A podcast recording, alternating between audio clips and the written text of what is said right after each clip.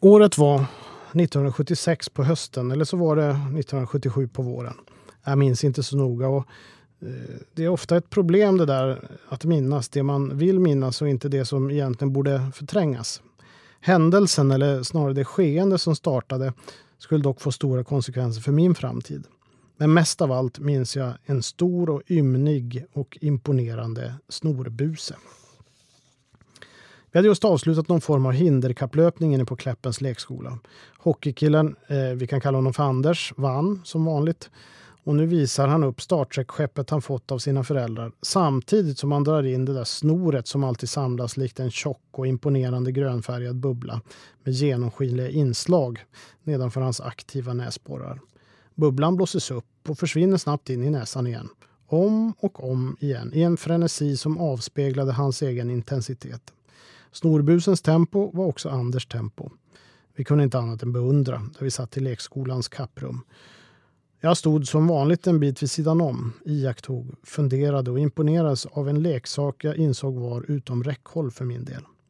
Jag var en försiktig ung man, avvaktande, rädd för att göra ett för hastigt drag. Egentligen urtypen av en catenaccio-anhängare. Det vill säga motståndaren gör första draget. Därefter slår man till i en blixtrande snabb omställning. I detta fall skulle det visa sig vara en usel taktik. Snacket gled in på fotbollslag och det var inte Elenio Herreras Inter eller Nereo Roccos konster som Catenaccios härförare på jorden. Nej, här pratades det om de där engelska lagen med namn som Wolverhampton, Arsenal, West Bromwich Albion och Queens Park Rangers. Lag som våra föräldrar, främst papporna, bänkade sig för att se på Tipsextra varje lördag när vintermörkret låg som tyngst hemma i Sverige. Sannolikt ett sätt att komma undan, att vila lite. Men älskling, det här är ju den enda fotboll vi får se. Allsvenskan sänder man ju inte ens. Dessutom är han ju lite roligare än Lars-Gunnar Björklund, eller hur? Jag fastnade särskilt för Manchester. Eftersom jag alltid önskat dessa coola bredräfflade manchesterbyxor som min bästa kompis fått av sina föräldrar. Anders, som inte bara var en snorig ledartyp, var också vår främsta idrottsstjärna på Kläppens lekskola. Och givetvis var han duktig på all idrott, inte bara på hockey. Jag tror det var Anders som först tingade Manchester och jag hade inte kompetens då att veta att det fanns två lag i stan. Min Catenaccio var inte fulländad. Den var rätt dålig, bara passiv. Ingen vass omställning kom utan lag efter lag tingades och jag fick gå hem och forska vidare i frågan. Eller hur det nu blev. Jag minns inte så noga. Förutom Anders snorbuse, den kan jag inte förtränga. Och skeendet var igång. Ett skeende som skulle sluta i en evig och ofta dyster kärlekssaga tillsammans med Everton FC, laget som blev över.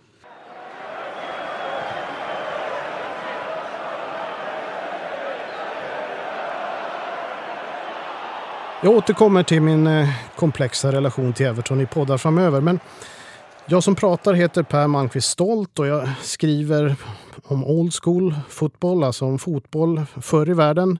60-talet, 70-talet, 80-talet och egentligen ända fram till Premier League. Och Det finns en hel del saker som kan vara intressanta att ta upp. Och bland annat nu så tänkte jag att vi skulle gå in på veckans avspark. Så att vi, om vi bara för några minuter riktar blicken mot London-derbyt på White Hart Lane mellan Tottenham och Chelsea. Jag tänkte prata dock lite om ett tipsextra-möte mellan lagen den 28 december 1985. Den gången på Stamford Bridge. Det lite ruffa men anrika Chelsea var rätt nyligen återuppstigna i ligans finrum, det vill säga i division 1. Ordföranden Ken Bates hade 1982 köpt ett konkursmässigt Chelsea för ett pund. Tyvärr ingick inte då fallfärdiga Stamford Bridge i köpet då den redan var såld till en fastighetsägare för att rädda klubben från konkurs. På besök var fashionabla grannen från norra London, Tottenham Hotspurs. En klubb som visserligen var nere i en liten svacka just eh, 85-86 från att ha utmanat om ligatiteln föregående säsong. Men laget vimlade alltjämt av glamourspelare som den elegante engelske mittfältsdirigenten Glenn Hoddle, den irrationella yttern Chris Waddle, nästan vaggande i sin löpstil. Rutinerade lagkaptenen Steve Perryman, mittlåset med landslagsmännen Gary Stevens och Gary Mabbott. Längst fram fanns stjärnor som Mark Falco och Clive Allen. Det fanns inte så mycket glamour i Chelsea, men det skulle sluta säsongen som sexa Faktiskt för andra året på raken. Mycket tack vare den lille irrationella högerytten Pat Nevin, anfallsspelaren David Speedy och den i Chelsea så legendariske skyttekungen och centermurbräckan Kerry Dixon. Det var just Dixon som öppnade målskyttet i den 18 matchminuten med en mästerlig nick efter inkast, nickduell och sedan ett inlägg. Jag tror det var David Speedy som slog det slutgiltiga inlägget. Pålitliga mittfältaren Nigel Spackman stängde sedan matchen på straff i andra halvlek. En straff som målvakten var på, men den var för hårt slagen.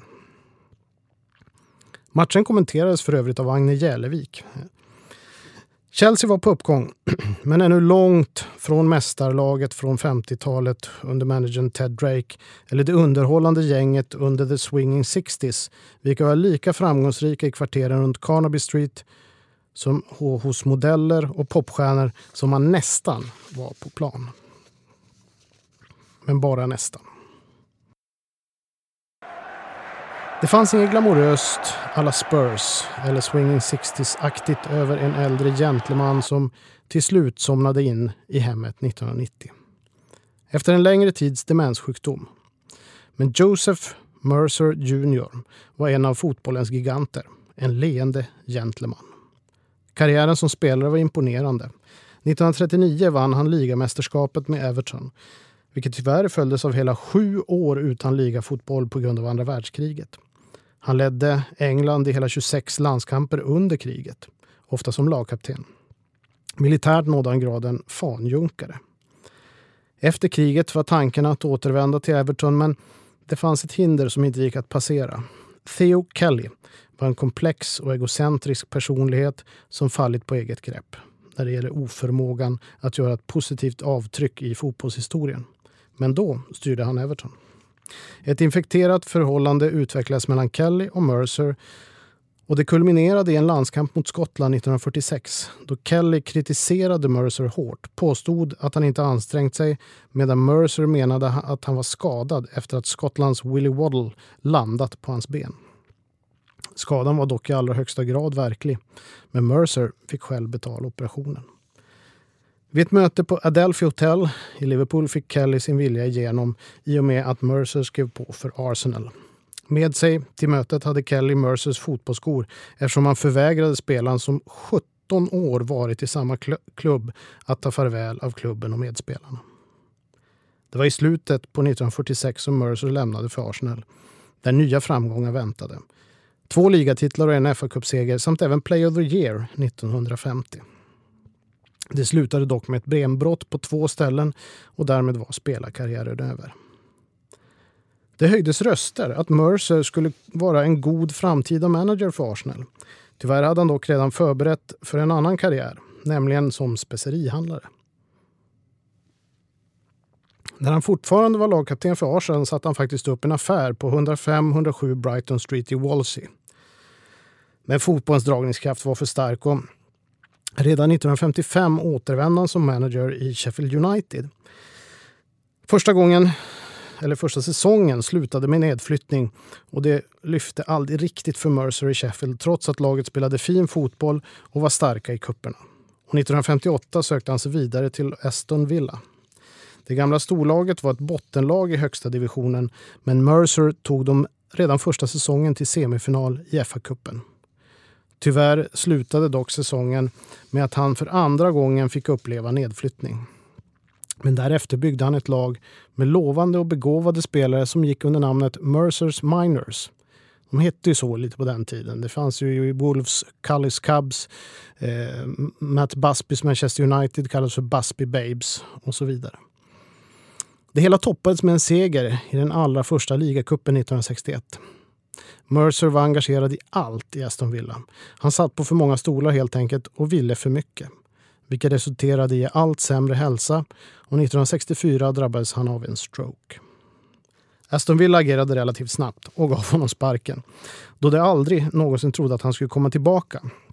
Återigen blev mannen som höll diplomati, värdighet och humor väldigt högt illa behandlad av just klubbdirektören. En mycket oroad fru, Nora Mercer, hoppades att han aldrig skulle ge sig in i fotbollsvärlden igen. Men till och med hans doktor konstaterade att utan fotbollen skulle Mercer dö av ett brustet hjärta. Då var det bättre att han dog när han gjorde det han älskade allra mest. Men kanske skulle han inte ta hela ansvaret själv. Kanske kunde han dela det med någon.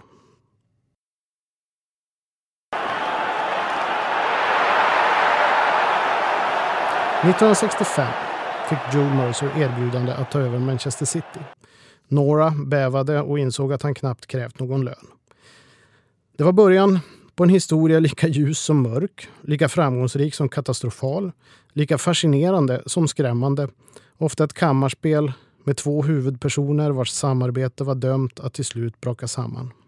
Två helt olika personligheter vars syn på saker och ting samt ambitioner under ett antal år balanserade upp varandra till förmån för klubbens bästa.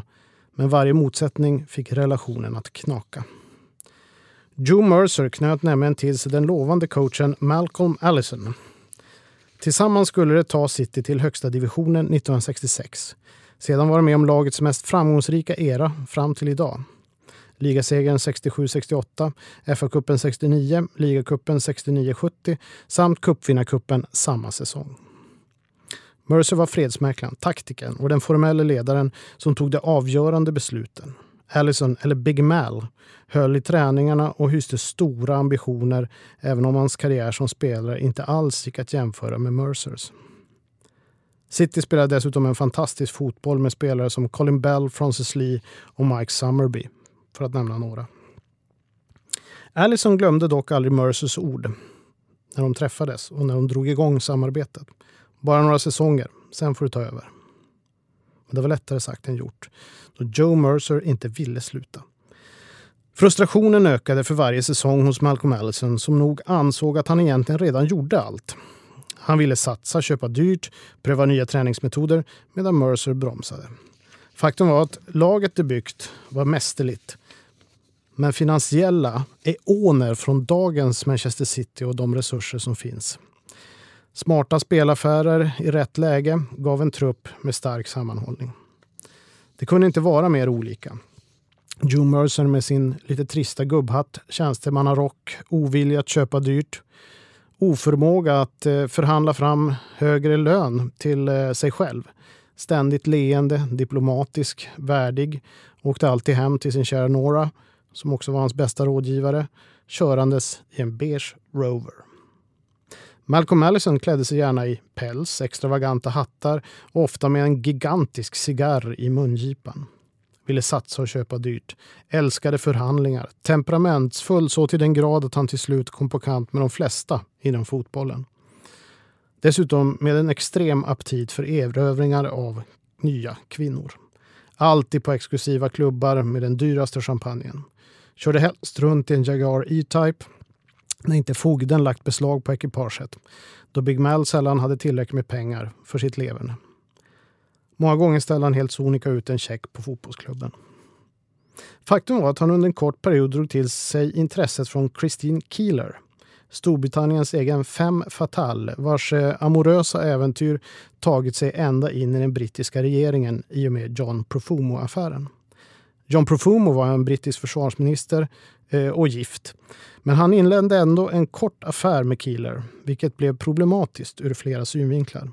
Inte minst därför att Keeler även umgicks med en rysk diplomat och GRU-officer. På den tiden en gigantisk skandal. Erövringen av Manchester City blev dock allt mer svårfångad. Målet var ju först City, för Malcolm Allison. Och sedan fullständig erövring av Europa för att ta över det engelska landslaget och en gång för alla visa den gamle segproppen Sir Alf Ramsey hur man vinner ett VM genom att spela underhållande fotboll. Allison var helt enkelt övertygad om sitt grandiosa framtida öde. Av den anledningen satte Big Mal igång en rörelse som var machiavellisk och rätt intressant att han lyckades få igenom då han knappast var en lysande politisk taktiker. Men i ärlighetens namn hade han lierat sig med riktigt vassa ränksmidare till affärsmän. Peter Swales var, eh, blev en ny ordförande och Allison fick sin belöning som manager medan Mercer petades åt sidan till en position helt utan makt. Spiken i kistan var när Mercer kom till Main Road en dag och upptäckte att någon annan fått hans parkeringsplats och kontor. Trots detta vägrade Mercer visa bitterhet, vilket också gjorde den bufflige Allison till boven i de flestas ögon. Och inte blev det bättre av att all energi rann av den gode Allison i samma stund som han nått sitt mål. Erövringen var klar. Intresset dog. Det gick ut för, för City och snart fick Allison sparken. Efter att ha köpt in betydligt dyrare spelare än på Mercers tid. Bland annat Rodney Marsh. Allisons karriär skulle därför eftergå stadigt neråt, säkert påskyndat av ett vidlyftigt drickande. Han fick faktiskt en andra chans i City runt eh, decennieskiftet men det resulterade i katastrofalt dyra köp och dåliga resultat. Joe Mercer fick en fin fotbollsvår i sitt liv. 1974 fick han, ironiskt nog med tanke på att det var Allisons mål, hoppa in som förbundskapten för England i samband med att Sir Alf Ramsey fick sparken. Ironiskt kan man väl tycka. Men det var en glädjetid faktiskt för det engelska landslaget. För den leende gentlemannen som Mercer var fick spred också leende till spelarna som hade haft tungt under slutet av Ramses tid. Därefter blev det lite media och han blev expertkommentator i olika sammanhang.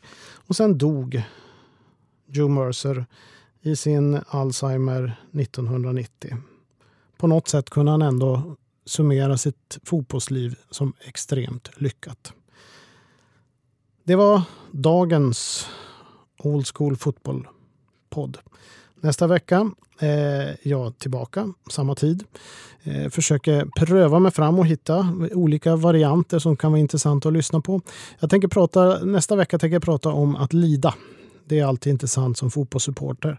Eh, jag kommer också prata om en FA-cupfinal 1974 mellan Liverpool och Newcastle.